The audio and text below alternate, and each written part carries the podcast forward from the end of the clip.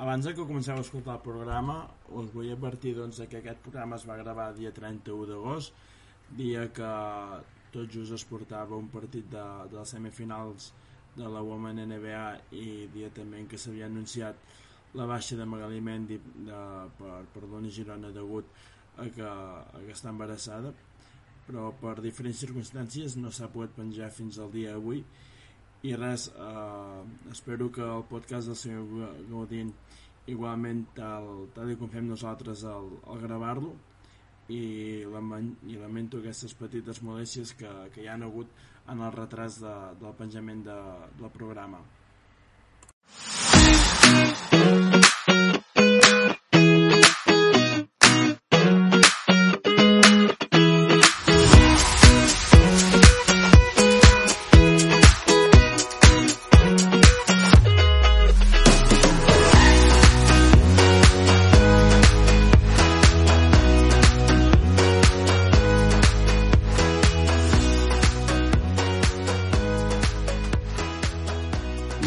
bones, amics i oients d'esmaixada.cat.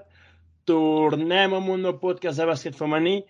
Ara portàvem diverses setmanes d'inactivitat eh, en, en aquest tipus de contingut que us portem des d'esmaixada pel que fa a, a bàsquet femení. Com sempre, doncs, l'estic presentant jo, en francès, i avui, a diferència dels altres programes, uh, i, i també doncs, agafant com a referència l'últim, que vam tenir Pere Puig com a convidat, doncs avui tinc, tinc un nou acompanyant per, per gravar aquest nou podcast de, de, de bàsquet femení.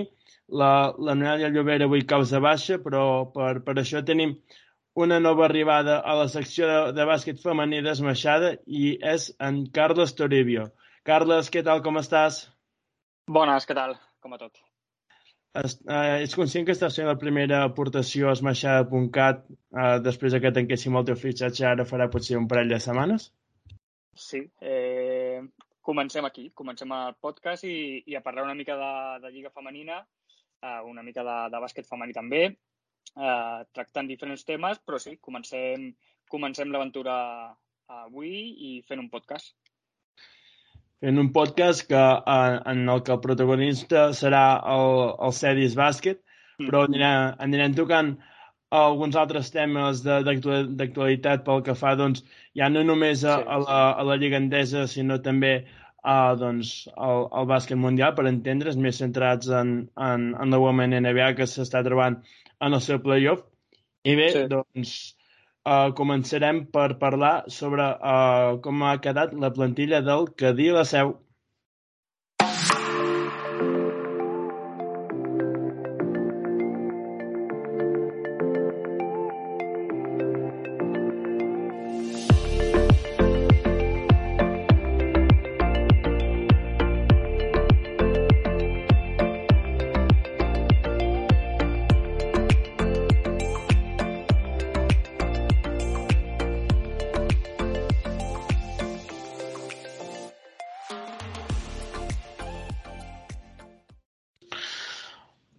Carles. Doncs la teva primera participació a Esmaixada és, és, va encarada principalment per parlar sobre com ha quedat la, la plantilla del Cedis Bàsquet i ja així de primeres, i ja després si fa falta uh, entrarem més en profunditat, però com, com veus la, la, la plantilla del Cadí Seu per afrontar una nova temporada a la Lliga Femenina Endesa i, i, el, i el seu retorn a Europa, uh, jugant a Eurocup?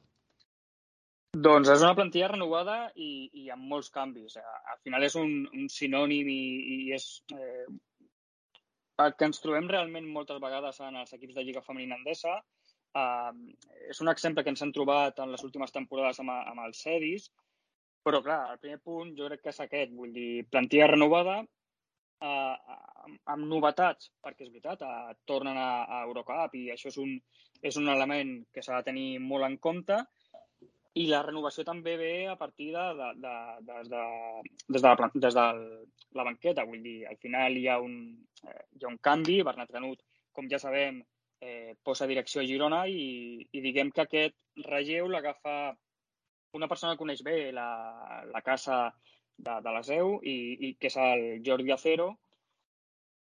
Aquí tindrem, eh, veurem com va tot plegat, perquè al final quan hi ha un canvi important d'entrenador, sobretot venint d'una temporada tan exitosa com va ser la temporada passada, arribant a, a semifinals i, i bueno, amb jugadores donant un pas endavant com, com l'Airati, veurem, veurem perquè al final és això. Eh, per una banda, hi ha moltes, bueno, hi ha moltes cares noves que tot just han començat i, i, i el cos tècnic eh, encapçalat per, a, per en Jordi Acero. Sí, la veritat, doncs, també una mica seguint en, en la línia de, del que dius tu, uh, hi ha aquesta petita incògnita sobre què passarà uh, en, la, en la primera temporada de, de, de Jordi Acero com a entrenador del, del que diu la Seu, però bé, en qualsevol dels casos, sorprèn doncs, que un, un club com el que deia el Seu ja per si aconsegueixi classificar-se a Eurocup un altre any, veient doncs, una mica com està la, la Lliga en, en l'àmbit qualitatiu i que a sobre doncs, hagi pogut mantenir una base tan gran de jugadores i que, de fet, de, de, de baixes, respecte a la temporada passada, només n'ha tingut tres, que són Irati Charri, Mikhaila Pivek i Clàudia Lukachovikova. Sí. I sí que després també, com has dit, hi ha la baixa de, a, a, la, a la banqueta de, de Bernat Canut, mm. però en qualsevol dels casos uh, penso que podem mantenir fins a set jugadores comptant a Júlia Soler, que recordem doncs, que l'any passat va venir ser sí. però aquest any està en propietat de, del Cadí la Seu, doncs eh, el Cadí ha aconseguit ampliar el seu roster per afrontar una temporada bastant exigent en doble competició, recordant doncs, això que estem dient que jugaran tant, tant Lliga com, com Eurocup i, sí. i que ja doncs, de primeres que, que, que se't presenti l'equip i et pugui seguir fent una plantilla, penso que bastant competitiva, uh, aconseguint renovar un nucli important de jugadores i a sobre amb la projecció que tenen alguna d'elles, penso que doncs, no deixa de ser uh, doncs, bones notícies pel, pel conjunt pirinenc i, i doncs, que a la, a la vista estarà uh, quins són els resultats que tenen un cop comenci la, la, la temporada, però que a priori. Sembla que la plantilla, almenys sota el meu parer, ha quedat bastant compensada, no? Sí, jo crec que has tractat diferents punts que jo crec que són molt importants per a una plantilla lliga femenina, lliga endesa femenina, i és renovar i mantenir la columna vertebral. És veritat, eh? Vull dir, possiblement hi haurà gent que dirà ostres, la figura principal, que va ser la MVP de, de, de la, del Cedis, Irati Cherry Marches, al final és normal eh, que doni aquest pas al costat i, i, i busqui eh, donar el pas endavant, però després la columna vertebral eh, que va tenir amb Bernat Canut la temporada passada es manté. Vull dir, la parella de, de playmakers entre Laura Penya i la Laia Reventós hi havia el dubte de seguiran o no seguiran.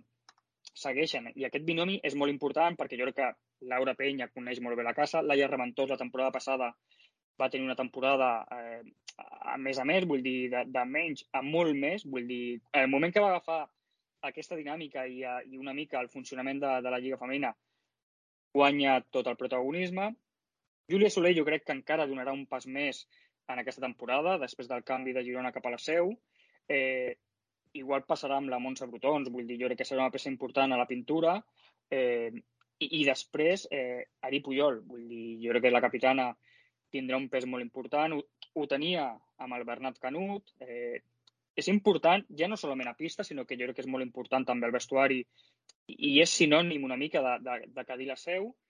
I jo crec que aquestes jugadores de columna vertebral seran molt important perquè el Jordi Acero comenci bé. És veritat, eh? fa patxoca que puguin renovar totes aquestes jugadores, eh, perquè no és normal a, a Lliga Endesa femenina, i després jo crec que el, la renovació, els fitxatges que venen coneixen la casa, perquè, per exemple, eh, la Georgina Bahí, que se'n va anar a Galícia, torna altra vegada i al final eh, coneix com ningú la, el, el Cedis i després la resta de jugadores jo crec que és important i després ho tractarem, eh, però, però que alguna d'elles coneixin bé també Lliga Femenina, que això és molt important. Eh? I després ve el risc de, de fitxar jugadores que et poden sortir bé o malament, però el cas, per exemple, de, de la Micaela Piveig, que va tenir una primera temporada dolenta a Logroño fa dues temporades, que fins i tot va marxar, jo crec que en mes de gener o febrer va per marxar. problemes, per, em sembla que, no sé si van ser problemes familiars o coses sí, seves, però no, però no va ser que, que, que el club la fes fora ni molt menys. No, no, no, no, no, vull dir que ja va agafar, va marxar i, i es va veure, per exemple, que, que l'any passat va tornar a la Lliga Femenina, per tant, i va fer una molt bona temporada, eh, donant punts, donant la defensa que donava des de la línia exterior, és normal Irati i Pivets i després jo crec que una mica doncs, els fitxatges que, que venen és suplint una mica això. Eh, no serà fàcil eh, cobrir els, els punts i, i tota l'estadística que va deixar la, la Irati l'any passat, que possiblement la Georgina Bahí pot agafar-ho, però, però és important el que has dit, eh, que aquesta columna vertebral, tant pel club com per aquest nou staff tècnic, eh, continuïn és molt important. Tècnic, que recordem així com a data, que s'hi ha incorporat Tania Pérez aquest any sí, en, en, en substitució de, de, de Xavi Minyambres com a doncs, preparador física i també doncs, ja és una altra persona que, que coneix la casa perquè ha estat diverses temporades al sí. Cadí la Seu. No, ara no recordo ben bé quantes, però m'atrevia a dir que han estat 5 o 6 ben bé i doncs això també ajuda, ajuda doncs, a, a, a que hi hagi més, més comunió en, en, en l'objectiu doncs, de, de, de que el Cadí del Seu segueixi creixent en aquesta lliga tan, tan, tan tremendament complicada. I sí. bé, doncs, uh, sempre és positiu poder, poder doncs, portar gent que ja conegui la casa, també com, com Tania Pérez, no? Sí, jo crec que aquesta figura és important, perquè parlem de la, de la Geo Bahí, vull dir que coneix la casa i torna una altra vegada a la Seu d'Urgell, però la Tània coneix molt bé la casa perquè, si no vaig equivocat, va arribar a, amb 19 anys, va tenir una trajectòria important eh, una jugadora important i jo crec que al final i, els que estem dins del món del bàsquet i, i això, tenir una figura com la Tània com a preparadora física és, és, és important. Per en Jordi Cero també ho és.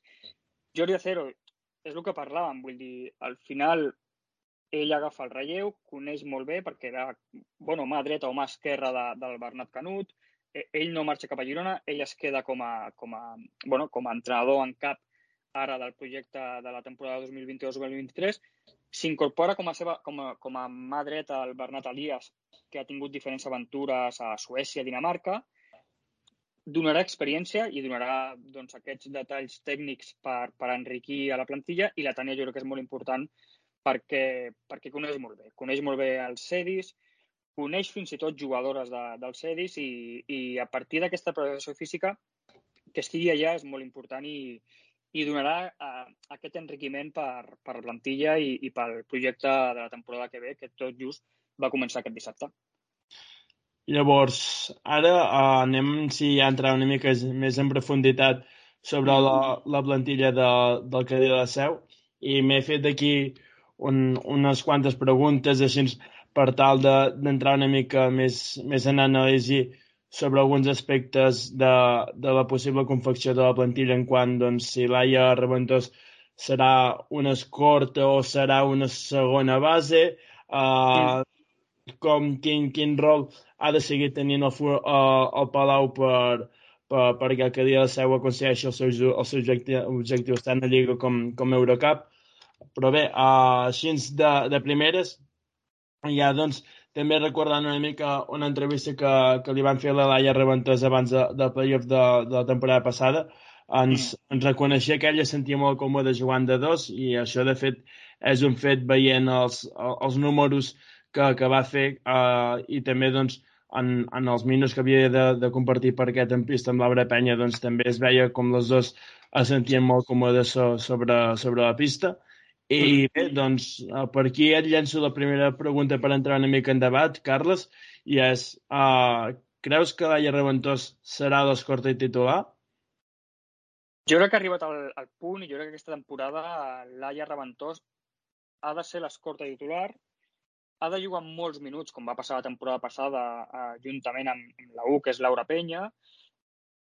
Jo crec que és més fàcil eh, doncs, tenir aquesta seguretat de tenir la Laura al costat vull dir que agafar la responsabilitat com a, com a playmaker, al final, doncs això sempre no és fàcil, eh? Vull dir, al final per una jugadora jove com la Laia no és fàcil i jo crec que la vida és més fàcil si tens a la Laura Penya al costat. és veritat que, que, que en el moment Laia Reventós l'any passat va jugar 29 partits, gairebé 21 minuts de, de mitjana, eh, que són molts minuts, eh, crec que ha de ser l'escorta titular d'aquest projecte de la temporada 2022-2023. Eh, Laura Penya és una peça principal d'aquest equip, però és el que, és el que estàvem parlant eh, tot just al principi. Vull dir, quan parlem de columna vertebral, estem ficant, òbviament, a, a Laura Penya, però és que Laia Reventós també és, és, és part principal d'aquest any de, del CEDIS eh, Seu. Per tant, jo crec que és això, vull dir, com a un, Laura Penya és titular, titularíssima, Laia Reventós pot ser aquesta dos titular, que després eh, ja veurem com van els partits, i després, doncs, una mica, doncs, el fitxatge de la, de la, de la belga Ramet, doncs, és una mica donar aquest plus de que tens un triangle de, un, un trio de jugadores que pots anar jugant. Vull dir, entre Laura Penya, entre Ramet i Laia Reventós, doncs pots anar una mica col·locant les peces perquè et doni peu a que puguin de tres estar dos a, a, a, a pista i, i, i, al, i a la pista dels Cedis eh, ara que parlaves una mica de, del trio eh, que incorporant aquí en aquesta fórmula Eli Remet, també cal, cal mencionar doncs, que les tres són tres perfils de jugadores diferents. Uh, Laura Penya és un perfil molt més organitzador i, sí, i, i també doncs, és cert que disposa d'un bon llançament de, de tres. Uh, Laia Rementós és un perfil de jugadora totalment anàrquica que necessita doncs, el seu espai per poder, per, per poder fer el seu joc. Uh, també, doncs, evidentment, uh, té, ha estat tota, tota la seva vida jugant de base, doncs, té els coneixements de, uh, sobre com, com controlar el joc, tot i que doncs, uh, en aquests primers anys de la Lliga sembla que encara li estava costant doncs, intentar uh, dominar bé els tempos que, que demana cada partit. I en quant a, al Lluís Remet, que evidentment doncs és, és la que tothom té menys controlada d'aquestes tres, estem parlant, almenys pel, pel que jo eh, he anat veient, eh, d'una jugadora molt vertical, eh, que vaig trobar que destaca molt pel, pel seu físic, té, té un cos impressionant i trobo doncs, també que en defensa em recorda bastant a Maite Cozorla en quant a, a l'intensitat i, i, i, i desplaçament defensiu que té a l'hora de, de, de pressionar els rivals. I bé, uh, doncs, uh, veient aquest trio, sí que doncs, uh, el més normal és pensar que Laura Penya i Laia Reventós ocuparan aquest bac curt titular. Sí, uh, que penso que molt haurien de canviar les coses perquè no fos així. I més veient que, que Jordi Cero ja coneix a, les dues catalanes, tot el contrari de, d'Eli Remet, que sí, sí. tot i així, cal recordar d'Elias Remet, és que potser em parla que els amistosos que va jugar a Espanya al juny a Melilla, que va ser un torneig, crec que era contra Itàlia i, i, i Bèlgica, mm. hi, hi, havia, hi havia Elias Remet. És, és, hem estat informant també d'ella i és una de les jugadores uh, que estan predestinades doncs, a ser una de les bases de, de la secció belga de cara doncs, el, el futur de, de, del combinat de belga a mig termini. O sigui, uh, jo crec que també serà interessant seguir doncs, una mica l'evolució i l'adaptació d'aquesta jugadora a la Lliga i que jo penso que pot aportar coses molt bones veient el, el que he anat veient doncs, en, en, en les ocasions que l'he pogut veure al llarg d'aquest estiu i en algun partit d'Eurocup a, a la temporada passada molt aleatòriament.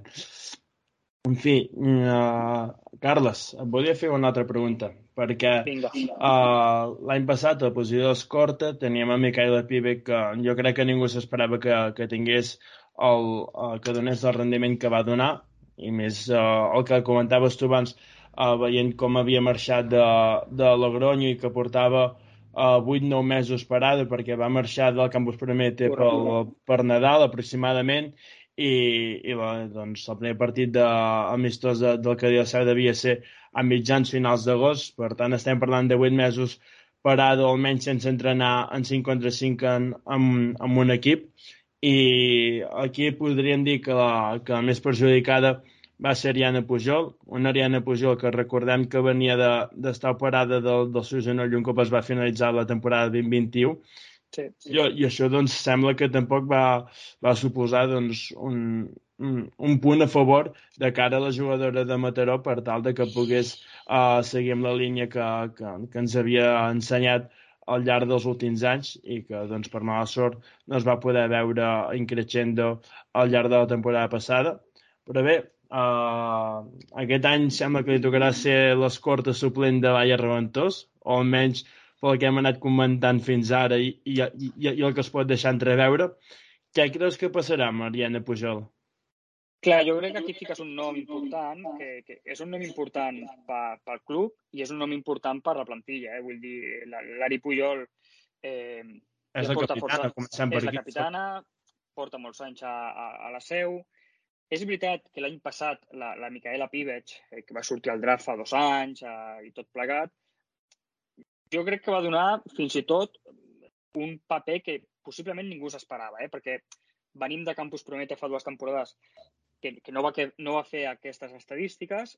La Micaela Pivets va jugar 26 minuts la temporada passada al Cadí Seu, va fer, bueno, va fer partits amb molta notació, al final se'n va a 8,5 punts per partit, i clar, al final la, la més perjudicada, en aquest cas la temporada passada, va ser l'Ari Pujol.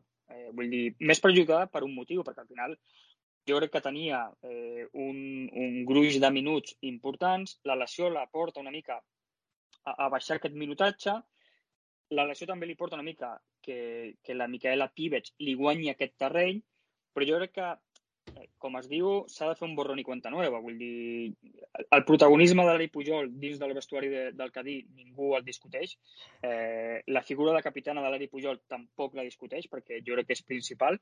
Uh, i jo crec que ha de donar un pas endavant. Vull dir, jo crec que la temporada passada, que va ser una temporada, com hem comentat, eh? vull dir, arribes a semifinals, a, això et dona un bitllet i poses direcció a l'Eurocup. Hem parlat de la Laura Penya, de la Laia Reventós i, i de la Elis Ramet, però jo crec que aquest, eh, aquest grup de jugadores, Ari Puyol també és protagonisme, és protagonisme, protagonista, com vull dir. Eh, jo crec que l'any passat si no vaig equivocat, juga 18 minuts per partits, juga tots els minuts, però clar, vull dir, tots els partits, però clar, vull dir, fa 3 punts per partit, de mitjana, ara ha de donar aquest pas. I, i, i, i sabem què pot donar aquest pas l'Ari Pujol, eh? Vull dir, la jugadora Mataró, eh, eh, a poc a poc, temporada a temporada, va donar aquest pas, pas, pas, fins a arribar a, a ser una jugadora important per Cadí la Seu. Jo crec que per Jordi Acero ho serà, eh, tindrà aquest minutatge que possiblement la temporada passada no va tenir. Eh, important també doncs, que tingui aquest protagonisme, protagonisme ja des de la pretemporada, eh, en els partits aquest del mes de setembre que tenen entre Lliga Catalana i, i tot just crec que juguen contra el Joventut de Badalona a Mollerussa en uns dies. Eh, aquí és important. Vull dir, Ari Pujol ha d'agafar una altra vegada aquestes sensacions i, i tornarem a veure una versió d'Ari Pujol que és la que hem vist eh, durant moltes temporades a Quedi la Seu. Aleshores, eh, jo crec que aquest, aquestes quatre jugadores doncs és el que has comentat. Al final és el backcourt de, de, de Jordi Acero. Jordi Acero sap que comença amb aquestes quatre jugadores i amb això ha d'anar fins al final i Ari Pujol serà una part molt important d'aquest projecte d'aquesta temporada. Jo, sincerament, tinc més dubtes sobre el dient que, tinc, que hagi de tenir un paper important uh, al llarg de la temporada. Ojalà que sí, perquè la veritat és que m'agradaria molt... Jo espero que sí, jo espero que sí, eh? tot sigui dit, eh? A, a veure, sí, si ens hem de posar una mica subjectius, ojalà totes les jugadores tinguin un paper molt destacat al llarg de, de, de la temporada. Però, evidentment, que, que no, per mala sort, no, no, no hi ha ni, ni minuts ni potser espai suficient com perquè totes puguin brillar. Mm. I aquí penso que el, la, la dolenta temporada, perquè acabi el fi per mala sort va ser dolenta, la temporada de Bari Pujol, que Correcte. bé dit, bé, bé, bé ja mig definida per, per l'operació del genoll i que Correcte. no va no, no, no, tot i jugar ja el primer partit de Lliga no tenia el ritme de competició necessari, llavors eh, el que parlàvem de, de, de rendiment de Miquel Pivec i tot, exacte, doncs eh, em fa patir que no hagi patit un estancament ja definitiu de, en, en quant al seu, al seu, al seu sostre. I això doncs eh, em, genera, em genera certa por per, per ella, per això, perquè és una jugadora que, que des que porta seguint bàsquet femení m'ha agradat molt, sempre ha anat en, en línia ascendent i ara que, que hagi hagut de, de passar per aquesta mala temporada, doncs és algo que, que no m'ha acabat d'agradar. Que jo feia aquí dos temes, eh? vull dir que al final Ari Pujol encara té aquest punt de joventut, sí. però juntament amb aquest punt de joventut, perquè no oblidem que és del 97, té aquest punt d'experimentació. Vull dir que al final és una jugadora experimentada en aquesta lliga i sobretot, sobretot molt experimentada en aquest projecte del Cadira Seu. Eh? Tot sigui dit que, que tens raó en el sentit de que d'una temporada que no és bona, que no és bona numèricament i que fins i tot a nivell de sensacions no és bona. Eh? Vull dir, ella no agafa sensacions gairebé... Li costa agafar sensacions, sí. fins i tot veient partits que ho intenta, perquè al final Ari Puyol si té una cosa molt bona és que ho deixa tota la pista, però li costa donar aquest pas per ajudar més a l'equip. El que passa que després, a tot això que t'he comentat, jo també afegeixo un punt més, eh, que comença a ser-ho tothom i comença, jo crec que físicament, eh, no dic al 100% perquè la pretemporada està per això, però a, a nivell de, de, de començar comença com tothom. Aleshores, per això agafo de que sigui part important del projecte d'aquesta temporada que comença tot just ara. Eh? Molt bé, ara anem a tocar un altre tema, Carles, i és Tyler Cohen, Cohenen aconseguirà fer oblidar la baixa d'Irati Echarri? per mi potser és la gran pregunta d'aquest que diu la seu, perquè almenys en quant al rendiment dels dues uh, la temporada passada, hauria de ser així, no? Que la jugadora americana doncs, arribés per, una mica per suplir tot, tot el, el que ha donat Irati Cherry uh, al llarg ja no només d'aquest any, sinó dels, dels quatre, diria que, sí. que, que han estat, que ha estat el que diu la seu. Ostres, aquí, aquesta jo crec que és la gran pregunta i, i jo crec que és una mica eh, el camí per, per veure realment a on podem col·locar projecte Cadira Seu.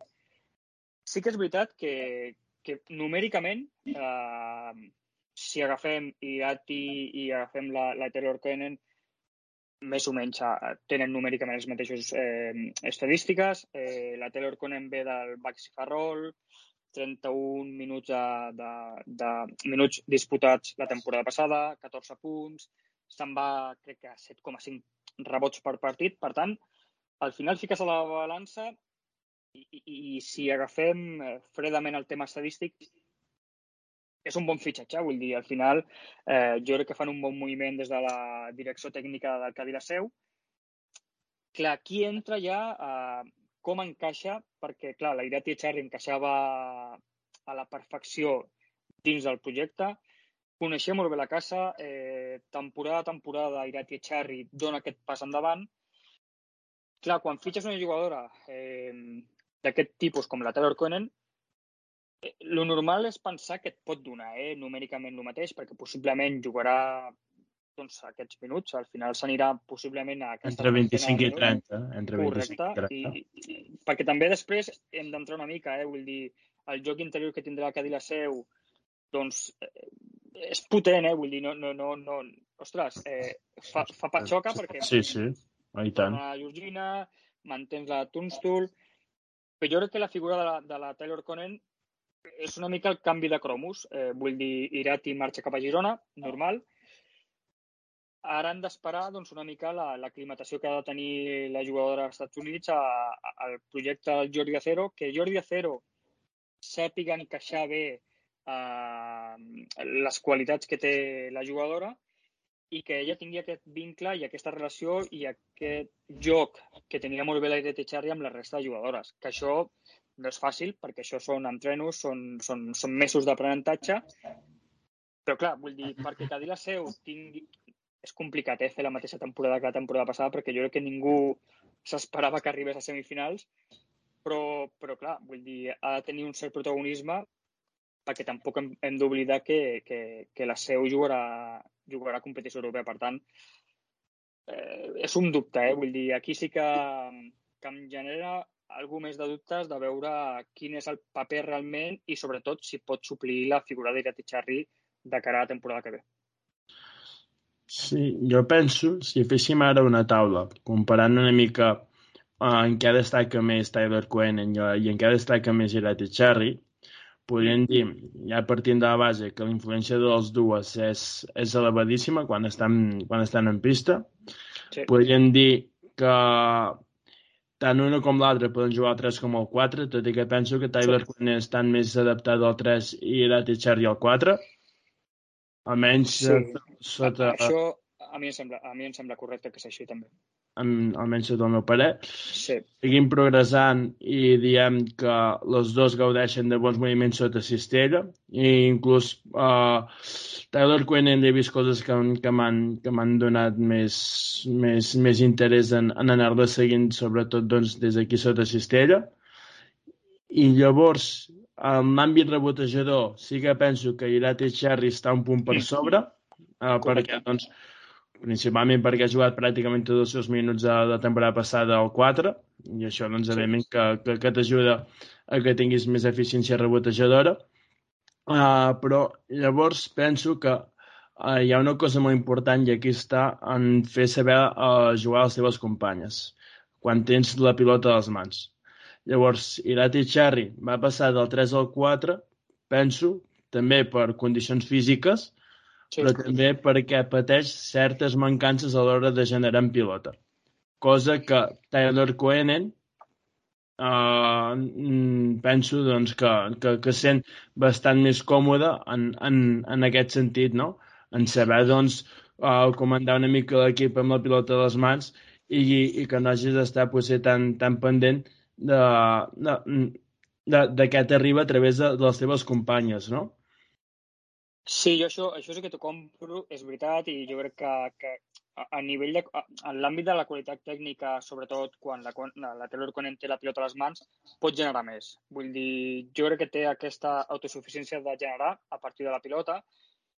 I Irati jo crec que li costava més. És veritat que, que ha donat, ha donat eh, aquest pas endavant, però si, si agafem aquest barem de joc, jo crec que, que és un punt positiu de cara a, al projecte del Cadi la Seu.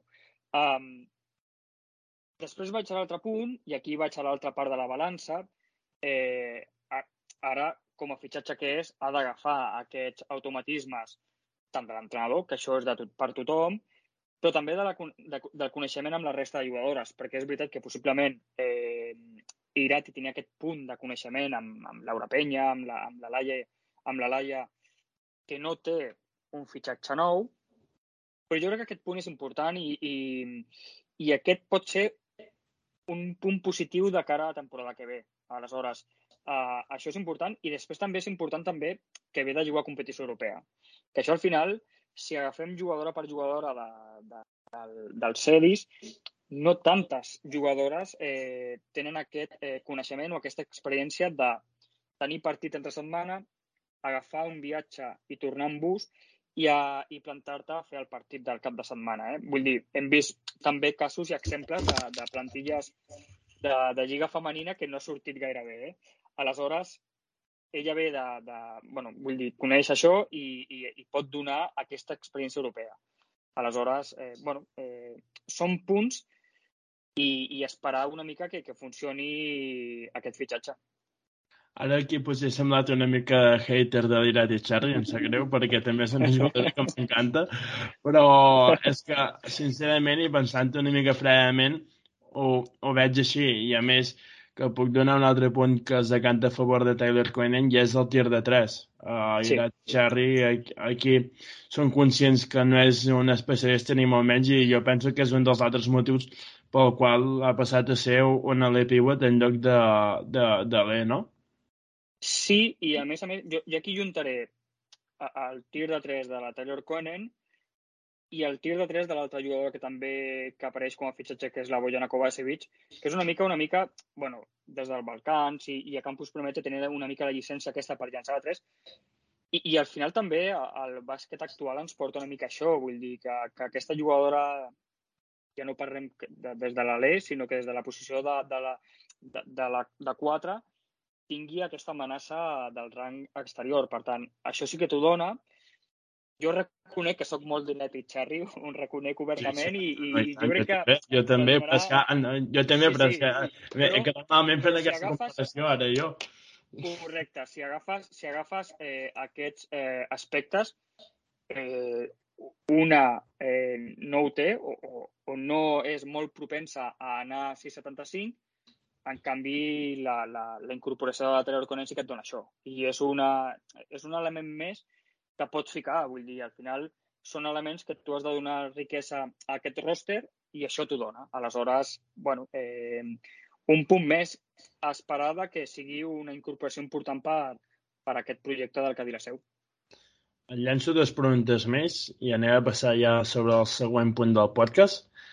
La primera és, o més que pregunta, és un fet que, que ha de passar i que de, tindrà doncs, també una gran influència directa en el rendiment del que diu la seu i és que s'ha de seguir veient elegible el Tunstall del tram final de, de la temporada passada, perquè uh, hem de recordar que des de l'inici de, de la temporada 21-22 fins a l'últim partit de playoff a, a, a Würzburg i va haver-hi un canvi físic radical de, de Giu al Tunstall, sobretot més cap al, uh, ja ben bé al tram final de temporada. Recordo també uh, que va fer 25 punts contra l'Araski en un sí. partit ja també en l'últim tram de, de la fase regular.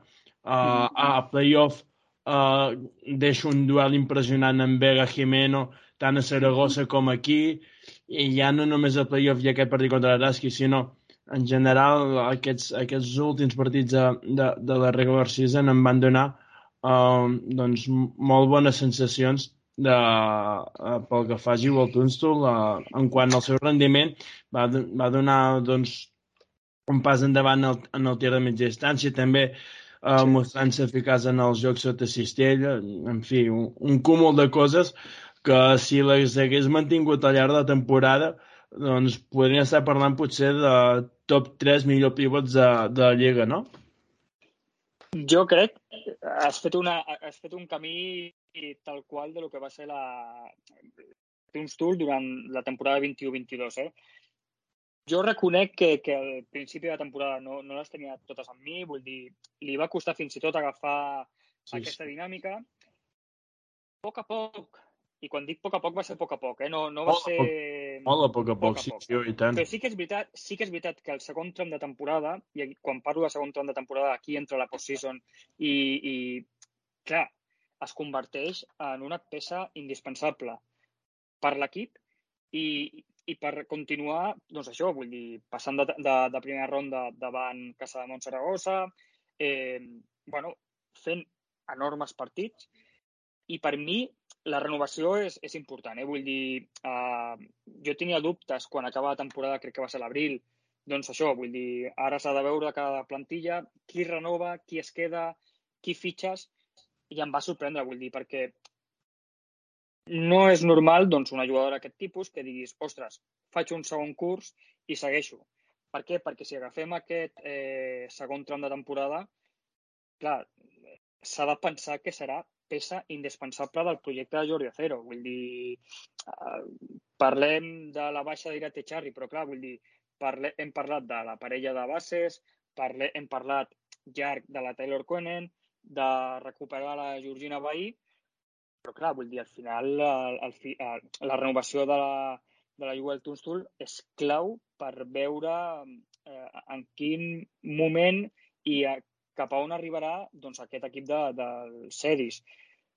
Jo espero i desitjo doncs, això, vull dir, veure uh, a, a, a aquesta, aquesta postura i aquesta eh, imatge que va donar el segon tram, perquè va ser va haver-hi moments de, de, de, de jugadora clau i jugadora molt important de la Lliga.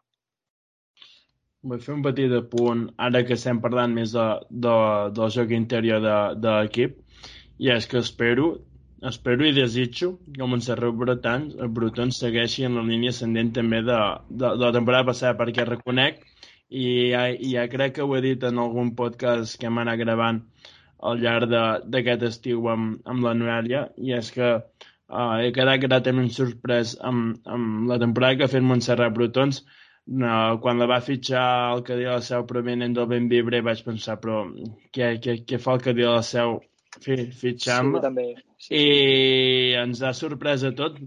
Cert és que mm, no, en quant a números no, no, no ha deixat grans registres, perquè al final és així, tampoc ha tingut molts minuts com per poder demostrar la, la, seva, la seva valua, però bé, uh, no, em, em deixa molt, molt, molt bones sensacions, o, també una mica uh, igual que Joel Tunstall, els seus moviments d'esquena cistella, el seu tir de mitja distància, el seu bon dos contra dos com, com a roller, en fi, un seguit de coses que em fan pensar doncs, en que veurem un, un nivell més de Montserrat Brut doncs, la temporada que ve, no? Sí, jo crec que és l'altra peça. Eh, aquesta sí que possiblement l'esperava, de, que, de que renovés eh, per aquesta temporada per, per Cadira Seu. Eh, per dues temporades, eh, renovat? Sí, sí. Montserrat Clar, Brut. Encara més, és veritat, eh, al final eh, no tothom farà ni 8, ni 9, ni 10 punts, però durant els 15 minuts que tenia de mitjana, de, de promig, a, a, a la temporada passada, al final dona el que realment demanes a, la, a, a aquest tipus de jugadora i ella t'ho donava. Però és que, a més a més, veies que donava això i que creixia. Vull dir, moviments interiors, eh, busco opcions, genero, i després ajudava molt en a, a, i, i jo crec que donarà un pas més encara en, en, en l'àmbit de, del rebot si juntes Montse Brutons, juntes i tens a, a la Tunstall, eh, parlem de que Koenen estarà entre el 3 i el 4, entre el fitxatge de la Bojana Kovacevic. És el que parlàvem abans, vull dir, al final és un joc interior potent, que coneixen bé la Lliga, que coneixen bé Montse Brutons, eh, Tunstall, coneixen bé la casa i jo no sé si jugarà més, perquè al final 15 minuts eh, és el que has dit tu també, vull dir, venia de Lliga Femenina 2, fins i tot a mi, a mi també em va generar dubtes de dir quin rol agafarà, vull dir, perquè al final si vens per jugar eh, 3, 4, 5 minuts, això és res. Però clar, al final se'n va un promig important de minuts i, i va ser una peça important. Per tant, eh, jo crec que per Jordi Acero serà també doncs, aquesta 5 que sortirà des de la banqueta que et donarà eh, aquests minuts eh, de seguretat des de la pintura, des de la defensa, que jo crec que també és una peça important, i, i hem de veure que fins i tot pugui aportar encara més. I ara uh, hem parlat d'això, el que comentava ara, una mica de com ha quedat el joc interior, uh, sense mencionar Georgina Veí, que també ens sap greu ara no, no, no haver-ne parlat, però Uh, hem de seguir avançant en el programa i hi ha l'última pregunta per tancar aquest anàlisi de, del que diu la seu.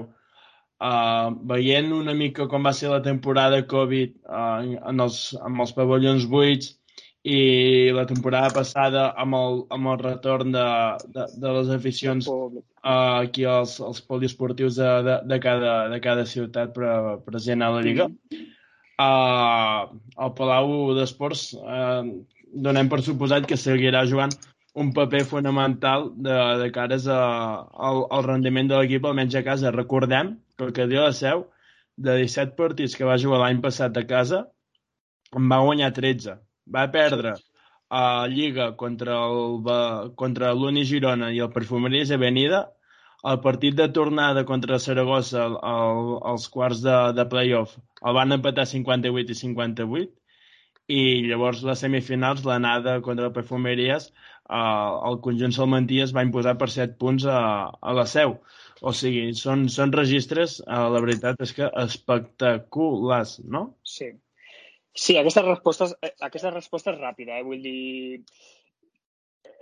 És que el, el, el, és un públic que és la sisena jugadora, eh, és un fortí i qualsevol equip de Lliga Andesa femenina sap que no és fàcil treure una victòria tu has parlat ara de les estadístiques eh, quan vas a la Seu Uriell i, i al final és un binomi equip i, i afició vull dir, solament s'ha de veure i això no és una cosa de la temporada passada, sinó que prèviament a la pandèmia ja es veia que era un fortí. El que passa que això, clar, eh, s'augmenta degut a la pandèmia, vull dir, al final tots aquests mesos de, de problemes, de, de que ara hi ha un aforament, de que hi ha un altre percentatge, tothom ho ha viscut i ho ha viscut, òbviament, d'una manera negativa.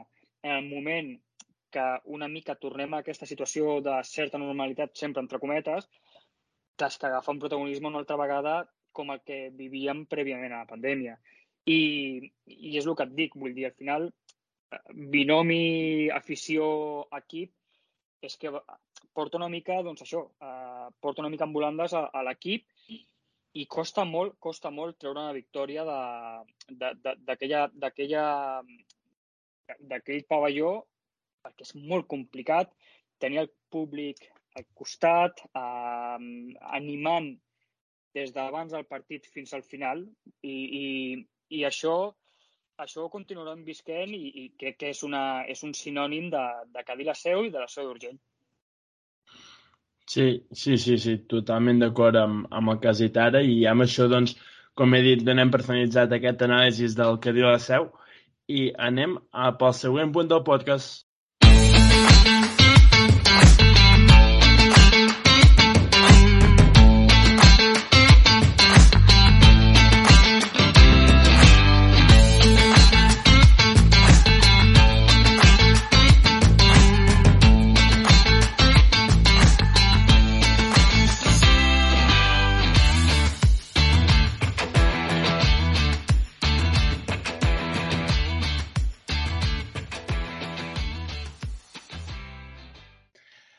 Val, Carles, a veure, venim, doncs, sembla d'un de, de fer un anàlisi, crec que bastant complet de la plantilla del que diu la seu, en què, doncs, hi ha bastantes bones notícies en quant haver mantingut un, un bon nivell de plantilla en el retorn de, de l'equip a Europa, però hem d'anar a un dels altres equips catalans que aquest any jugarà la, la, la Lliga Femenina Endesa, i concretament és, és a Girona, perquè si ja per si el panorama estava complicat en quant a confecció de plantilla de l'únic, al veure que, que, doncs, que això, encara els hi faltava una americana per fitxar i que tot apuntava que havia de ser una 3-4, uh, sí. jugant una, una mica amb el paper que tenia uh, Kennedy Burr la temporada passada.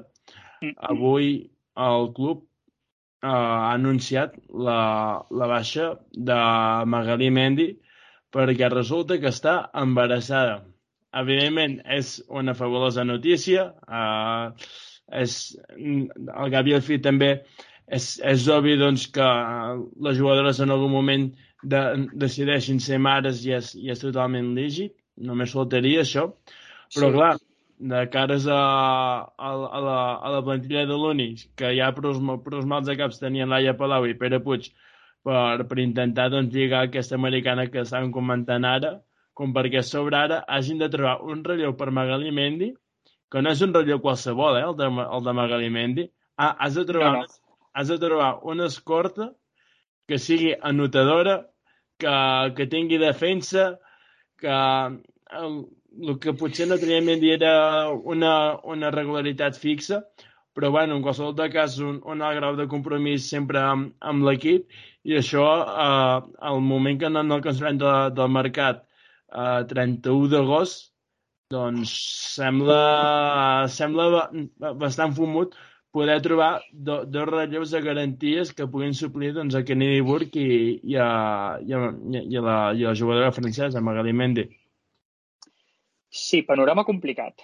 Panorama que, que avui encara s'ha tornat encara més complicat. És veritat, eh? jo estic amb tu, és una notícia al final bona, perquè, perquè bueno, eh, això pot passar eh, i en, i en l'esport femení ens trobem amb casos de que, de que òbviament, al final doncs, eh, hagis de fer un stop i després, doncs, eh, doncs el moment que, que, que, que arribi la bona nova, doncs ja, ja arribarà el moment de tornar. Jo sempre poso també l'exemple últimament de, de la Sònia Basic. Sònia Basic, eh, icona del bàsquet femení, de Sèrbia, tot plegat, ella juga a l'èlit i dona un pas al costat, bueno, perquè al final doncs, eh, busca aquest objectiu de, de ser mare, que al final és totalment lícit i, i amb això eh, res a dir.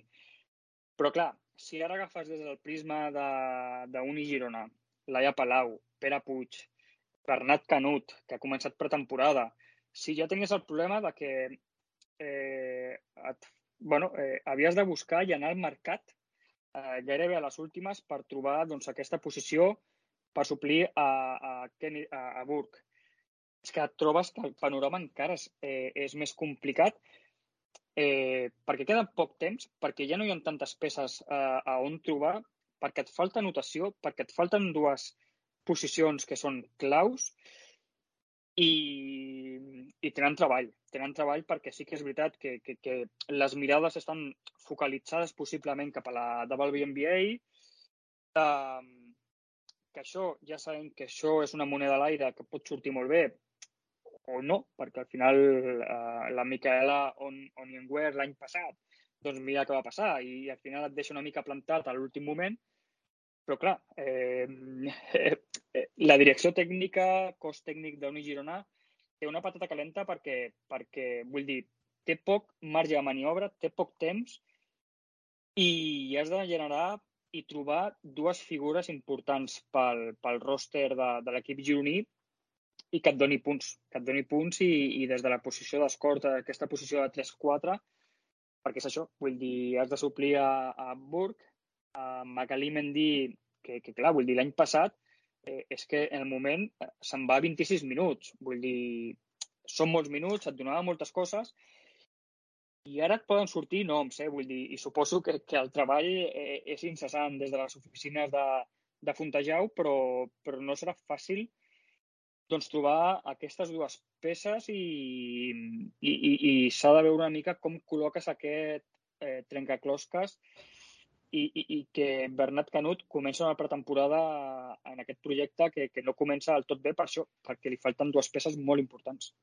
Jo crec que me'n vaig a Suècia a buscar la Fridel Debrink i, sí. i, i, i, i ja que, que, que, que, que endarrereixi un, un any més el, el seu retorn a casa seva perquè ara crec que, que, que l'Uni la, la necessita i més veient doncs, com està el mercat, perquè comentàvem ara abans de, de, de començar el podcast i també com a mode de recordatori ho, diré, ho diré ara, en l'últim episodi que vam fer, que, que vam tenir Pere Puig per aquí, ens va dir que les jugadores rookies i sophomore, per tant jugadores que porten uh, un any a la Lliga i que la, el següent serà el segon, no fa falta que estiguin el dia 1 del training camp a, a, a, amb, amb la seva franquícia. Per tant, per, per aquí l'Uni doncs, juga una mica amb el, amb el ben a favor pel tema doncs, intentar trobar uh, una jugadora que aquest any hagi estat el seu primer o el segon a, a, a la Lliga. I, i bé, doncs, a partir d'aquí, sobre un ventall reduït d'opcions, que ara mateix no tinc pas molt controlat perquè els noms que, que havíem dit nosaltres abans de començar cap no és ni, ni rookie ni sophomore, no. és més, no. o, us els dic ara i, i són els de Carly Samuelson, Sophie Cunningham, Lexi Brown i Kalia Cooper. Uh, I Kalia Cooper més com, com, com a modo doncs, una mica de, de, de posar salseo uh, entre la, la rivalitat entre perfumeries i, i, i Girona Correcte. Però uh, és que apunta que, que el panorama de l'Uni és, és, és molt complicat i, i, i, i això és així, és així perquè doncs això, estem a 31 d'agost, eh, pràcticament tots, els, tots els, els equips grans ja tenen plantilles tancades i, uh, mentre, i mentre estan a Fontejau doncs estan esperant ara dos incorporacions més. Clar, perquè, però això és un punt molt important el que has comentat, perquè al final aquest tema d'anar a buscar jugadores a WNBA eh, hi haurà problemes el dia de demà. Eh, en un present, present molt recent tindrem problemes. Clar, si et poses a mirar noms de, de rookies i sophomores de la WNBA, et poses a mirar una per una i moltes d'aquestes jugadores estan fitxades ja per equips europeus. Vull dir, això és un altre hàndicap que et trobes que... Ara posem l'exemple de, de la Ryan Howard, que ha sigut la, la rookie de l'any, d'Atlanta Dream. Sí. Clar, és que posa direcció cap a, cap a Itàlia. Esquio, eh, la fitxa per sí. esquio. Però el fitxatge és que fa setmanes que està fet. Vull dir, aleshores, sí, igual que aquest exemple, que és, que és un exemple molt clar i és una jugadora que ha fet números molt, molt bèsties per ser la primera temporada a la WNBA, és que et trobes en, a, a, amb, amb els equips rookies amb uns quants exemples d'aquests. Fins i tot clar, et trobes també de que, de que has de trobar que t'encaixi des de la posició d'escorta i que t'encaixi de la posició de 3-4. Aleshores, és complicat, a no ser, a no ser que te'n vagis a fitxar una jugadora que encara no ha fitxat per cap equip europeu, que ara mateix, jo l'altre dia feia una llista, eh? vull dir, i ens anirem una altra vegada, deixant de banda el tema Britney Green i tot plegat, és que tornarem a haver-hi una, un, una terrada de, de, de, no sé si la meitat, però moltíssimes jugadores cap a, cap a equips europeus. Aleshores, totes aquestes jugadores, i l'altre de fer una llista, estem parlant de 40 que ja han donat l'ok ja fitxar per equips de Turquia, d'Espanya, d'Itàlia, eh, d'Hongria. Aleshores, se'n fa complicat. Se'n fa complicat i, i, i, i, sobretot, trobar una jugadora que tingui un perfil que et doni eh, des del principi eh, un, un rendiment gairebé des d'allà. Des Aleshores, el 80% dels equips NBA, de WNBA ja estan de vacances. Jo suposo que, que òbviament, eh, vull dir, treurà fum eh, les oficines de Fontejau, però no és fàcil. Eh? Vull dir, és un context que a mi se'm fa difícil trobar noms de dir, ostres, eh, pots anar-te a Annalisa Smith. Eh, sí, el, el pic número 2 de, del draft. És una opció, eh? Vull dir, però el fitxatge de la Onionware l'any passat no deixa de ser que va ser la rookie de l'any, la temporada anterior, eh? Complicat, eh, complicat. És una bona notícia, òbviament, eh, que estigui embarassada, però complicat per la, per la planificació a, a 31 d'agost de cara a la temporada 22-23 de l'Unigirona. Ara potser en Pere sí que hagués preferit tenir tancada Kyla Thornton, tal com va dir aquí en, en exclusiva, que, que va, va deixar anar doncs, que se, se havia escapat el fitxatge de, de la jugadora de les Dallas Wings i que l'any passat crec que estava al Reyer Venezia, si no recordo malament, sí. aquí a Europa. I sí. bé, doncs ara segur que, que estaria beneint tenir aquesta, aquesta jugadora tancada per, per només tenir un mal de cap en lloc de dos. Ni més ni menys, i a més a més ha fet un tram final de temporada amb les Wings molt bo, perquè a més a més amb la relació de la, de la Ogumbel i tot això, vull dir, ha tingut bons partits i, i jo crec que sí, eh? vull dir que ara si ens fiquéssim diríem, ostres, si l'haguéssim signat el moment que toca perquè ja et dic, eh, Podem parlar de noms, eh, però, però és un panorama gris el que té ara mateix a, a poques setmanes doncs, això, d'inici de, de pretemporada. És veritat que hi ha un Mundial pel mig, però són setmanes importants per agafar tots, tot el automatisme del, del Bernat Canut i veurem, veurem notícies suposo que, que en breu, perquè al final són dues peces, no estem parlant d'una última, sinó que són dues peces importants per, per Uni Girona. Jo calculo que aproximadament l'Uni deu tenir un pressupost ara mateix de 160.000 euros o així per, per intentar fitxar aquestes dues peces que, que, que els hi falten i, i, i, i pensant, evidentment, que, que Magali Mendy ha, ha, de, ha deixat rescindir el contracte sí. d'aquest any. Per tant, doncs, deixarà d'ingressar eh, la, la seva nòmina al complet o, o espero que gran part de la nòmina. No, la veritat és que no, no sé com van aquests temes. Eh, quan les jugadors queden embarassades, no sé si el club està obligat a haver de pagar un percentatge del seu salari o... o bueno, jo sé que, per exemple, l'últim conveni col·lectiu de la WNBA sí que es va signar i aquesta clàusula era condició en el moment que s'estigui embarassada s'ha de pagar el 100%. Clar, aquí jo sé que ja em perdo més en el sentit de, de, de quina és lliga femenina, si, si dones un percentatge, si ho dones sencer o si directament trenques contracte i, i, i ens veiem quan, quan s'arribi el moment. No ho sé, però sí que és veritat que, que juntes el pressupost, pressupost que tu has comentat prèviament, més a lo millor un pic que agafis per fitxar dues jugadores. Ah, és que sí, si no estem parlant de que l'Oni ara mateix, en el cas de que Mendy uh, doncs cobri tot el que hagi de, de cobrar en condicions normals si, si, no, si no estigués embarassada, L'Uni jo crec que deu tenir al redador, ai, al, redador, al voltant d'entre sí. 90 i 100.000 euros potser per intentar fitxar a dues jugadores. En el cas d'això, de, de, de que Mendy no, no, no, o sigui, no, no hagi rescindit contracte o, o s'hagi arribat a, a una condició perquè no s'ingressi una part important de, de, del que havia de cobrar aquest any. Eh?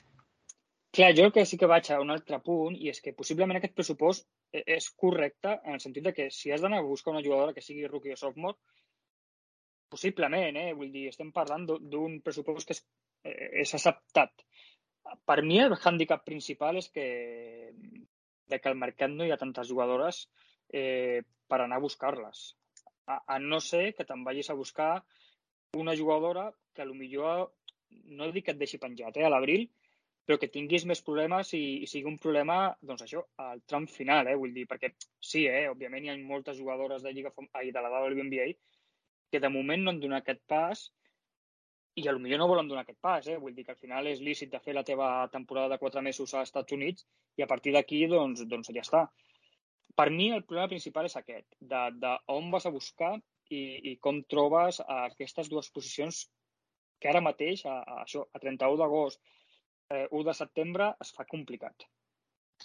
Carles, seguim parlant de, de, de, de la Women NBA, ara que l'hem anat introduint, però per parlar sobre el playoff.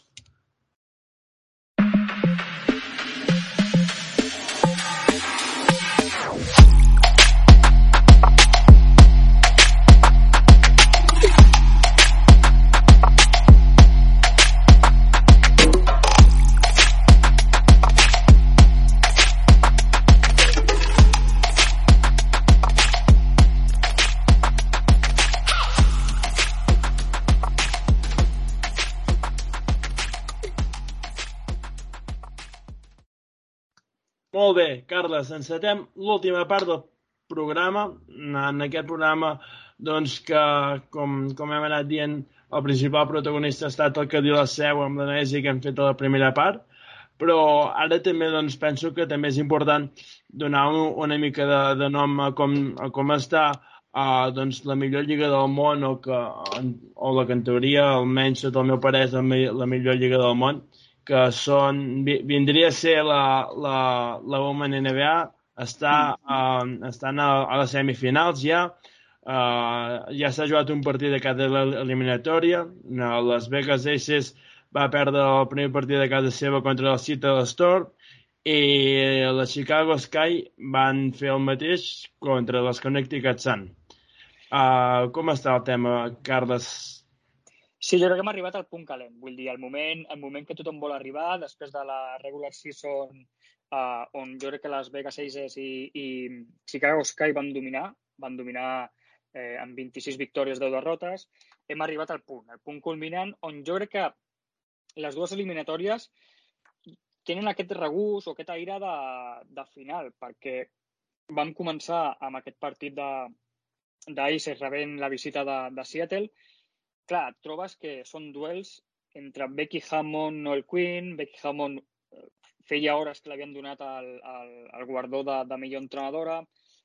Las Vegas Aces, que té un quintet, tot i que ara la d'Erika Hamby està lesionada, té un, té un 5 que és absolutament brutal, brutal, perquè a més a més té quatre jugadors All-Star, l'única jugadora All-Star no va ser la Chelsea Gray, i jo crec que ara mateix és la millor jugadora de, de les Vegas Aces, però clar, rep visita de, de Seattle, clar, és que al final Subert, eh, Brian Stewart, Jewel Lloyd, Tina Charles, clar, totes aquestes jugadores són experimentades, tenen ganes de guanyar un altre anell, tenen ganes de, de doncs, doncs una mica de dir aquest adeu a Subert i va ser un partit igualat, eh, fins i tot, fins i tot va dominar Seattle durant tot el partit, però Las Vegas es va ficar per davant, crec que a la meitat de l'últim període. I en aquell moment, doncs, bueno, és una mica decisions, i aquelles errades no forçades que et porta a que Kelsey Plum doncs, falla els dos triples per portar la pròrroga i Seattle i Jewel Lloyd et dona aquest encert que s'emporta el primer punt. Clar, si et poses a mirar, és sorpresa? No, per mi no és una sorpresa, perquè jo crec que serà una sèrie de semifinals no dic que se'n veiessin cinc partits, però és que té aquest regust de, de final absolutament.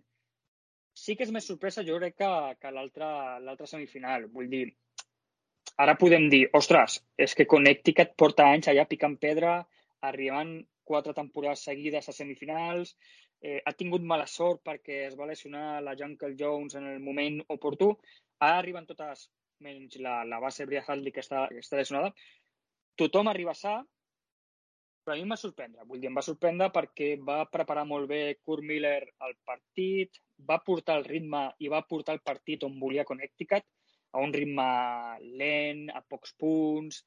Sí, eh, Candace Parker va fer un partit d'aquests eh, històrics, vull dir que se'n va 19 punts, 18 rebots, però clar, vull dir, jo sempre dic el mateix.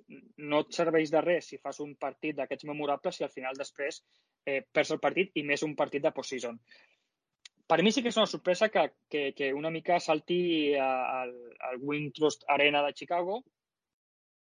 També s'ha de dir que Chicago Sky va començar perdent contra New York Liberty a la primera ronda i després van arribar eh, dues eh, pallisses importants de Chicago Sky. Vull dir, va jugar molt bé Candace Parker, eh, eh, Vanderloot solament va donar dues assistències i crec que des del 2017 no tenia aquest barem de dues assistències. Per tant, jo crec que, que en el segon partit veurem una versió, jo crec, totalment diferent de Chicago Sky. Eh, té un roster com el que parlava abans de, de Las Vegas.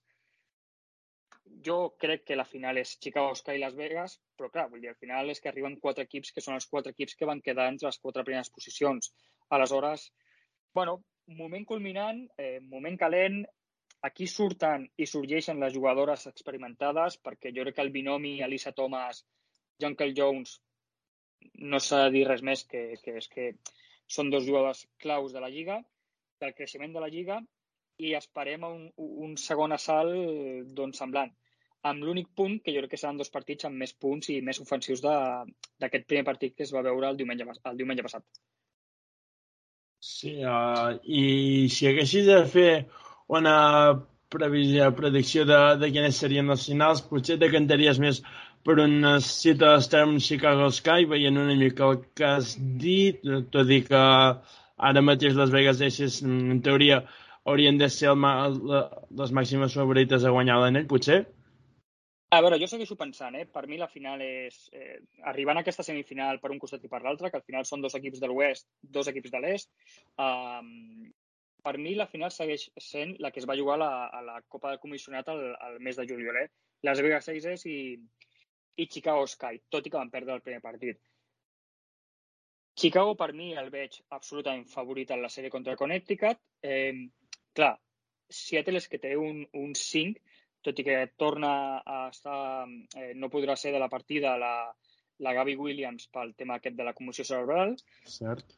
Seattle ve de guanyar Washington Mystics, que jo crec que va ser la gran eliminatòria, tot i que va guanyar per la via ràpida 2-0 contra la Helena de Ledou, una àrea d'Atkins i companyia. Clar, aquí sí que ho veig més complicat, perquè jo et diria que per mi Las Vegas és, és, és favorit, però jo sempre he dit el mateix. Per mi hi ha un hàndicap important en Las Vegas i és Becky Hammond ha donat un segell absolutament seu a Las Vegas, ha fet eh, millorar a Jackie Young i, i Kelsey Prom, això està clar, però té un problema i una mancança eh, des de la banqueta. Vull dir, eh, és veritat que eh, Dearica Hamby està lesionada, que va ser l'estar al mes de juliol.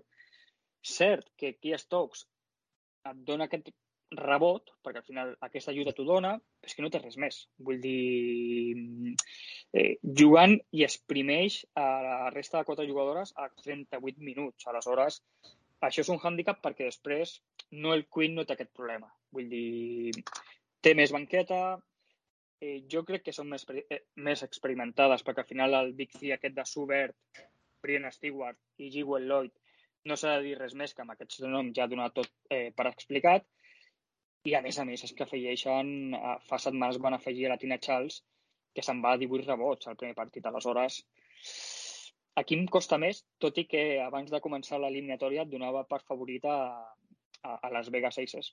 Però ara, ara ho veig més, més igualat tot plegat. Tot i que crec que, que el, el Michelob Ultra de Las Vegas ha de portar una mica el seu equip a que pugui empatar la sèrie i anar cap a Seattle. Doncs bé, amb aquesta actualització d'en Carles Toribio sobre com està el playoff de la Women NBA, deixem per tancat aquest nou episodi de bàsquet femení d'esmaixada.cat. Com sempre us dic, doncs espero que hàgiu passat una bona estona escoltant-nos. Uh, un plaer, Carles, que hagis uh, decidit ja fer la teva primera col·laboració Esmaixada. Gràcies a vosaltres. Uh, esperem que en siguin moltes més, això uh, ho, ho, dono, ho dono per fet que serà així, o almenys, com dic, es, uh, això així espero. Uh, per, perquè ens ha costat activar les palanques, ens ha costat activar les palanques, i, i, i ara que les tenim activades, doncs, uh, almenys que els jugadors do, do, donin rendiment. Bueno, eh. engegar, engegar. Sí, s'ha engegat tot plegat. I bé, uh, oients, uh, el que us dic sempre, que hàgiu passat una estona escoltant-nos, ens podeu anar seguint per Twitter, per també per iVox, que és on pengem els programes, uh, uh, feu-vos subscriptors al Patreon, també ja, ja hi som, així com a mode de recolzament de, de, del projecte. Uh, tenim mig mora al Twitch que en breus uh, anirem donant notícies i res, uh, això, ens anem veient i que acabeu de tenir un bon final d'estiu. Fins la pròxima!